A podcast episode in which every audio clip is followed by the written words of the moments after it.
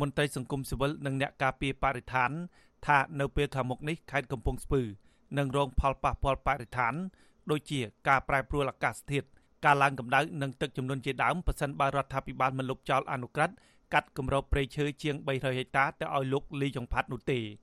សកម្មជនបរិស្ថានលោកហេងស្រស់មានប្រសាសន៍ថារដ្ឋាភិបាលលោកនាយករដ្ឋមន្ត្រីហ៊ុនសែន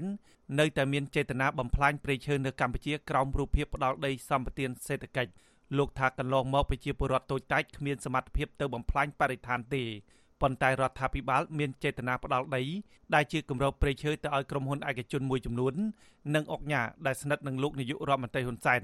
ហើយទង្វើទាំងនេះគឺសុទ្ធតែបំផ្លាញបរិស្ថានយ៉ាងធ្ងន់ធ្ងរ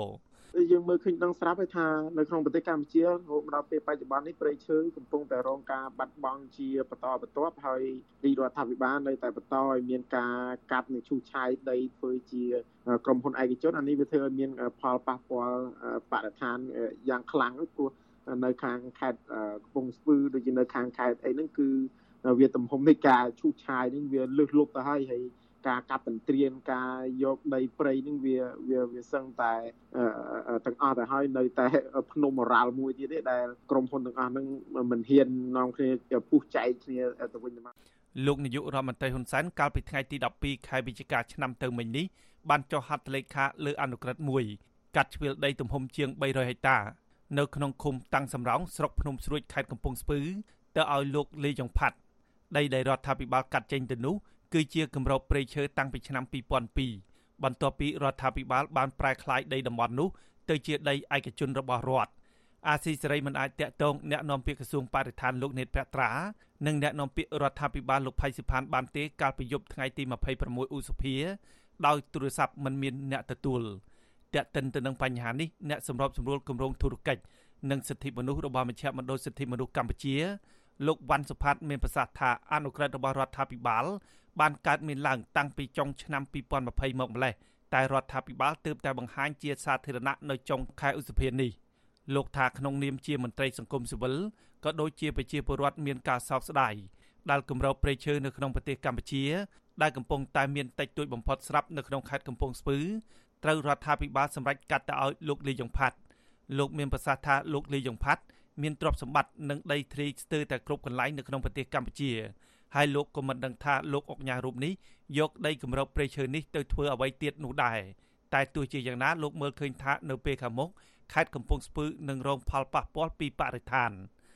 អញ្ចឹងទៅឃើញថាដែលអ្នកដែលរងគ្រោះពិតប្រាកដគឺប្រជាពលរដ្ឋហើយពេលដែលប្រជាពលរដ្ឋរងគ្រោះអឺមានគ្នាច្រើនព្រោះប្រជាពលរដ្ឋយើងនឹងប្រាប់ហើយមិនមែនតិចណា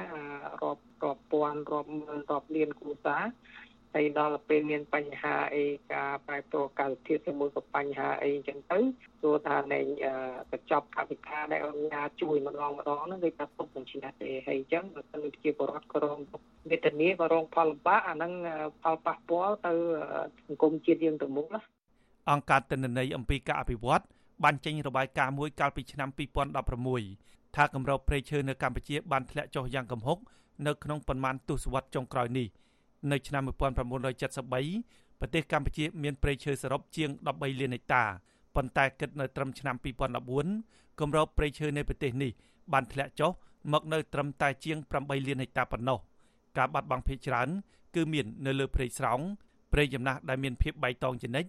និងភាគច្រើនមិនទាន់រំខានការយាយីដែលបានធ្លាក់ចុះជាងពាក់កណ្ដាលពីចំនួន7លាន6សែនហិកតា មកនៅត្រឹម3លានហិកតា នេះគឺជាការបាត់បង់ព្រៃស្រោងដែលមានទំហំជាងប្រទេសមួយទាំងមូលដូចជាប្រទេសដាណឺម៉ាកជាដើមផែនទីរបស់អង្គការទិន្នន័យអំពីការអភិវឌ្ឍបង្ហាញពីទិន្នន័យនៃការបាត់បង់ព្រៃស្រោងនៅក្នុងរយៈពេល41ឆ្នាំចុងក្រោយនៅក្នុងប្រទេសកម្ពុជា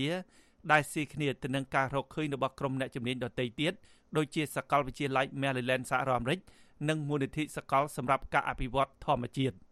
ខ្ញុំបាទហេងរស្មី អាស៊ីសេរីពីរដ្ឋធានី Washington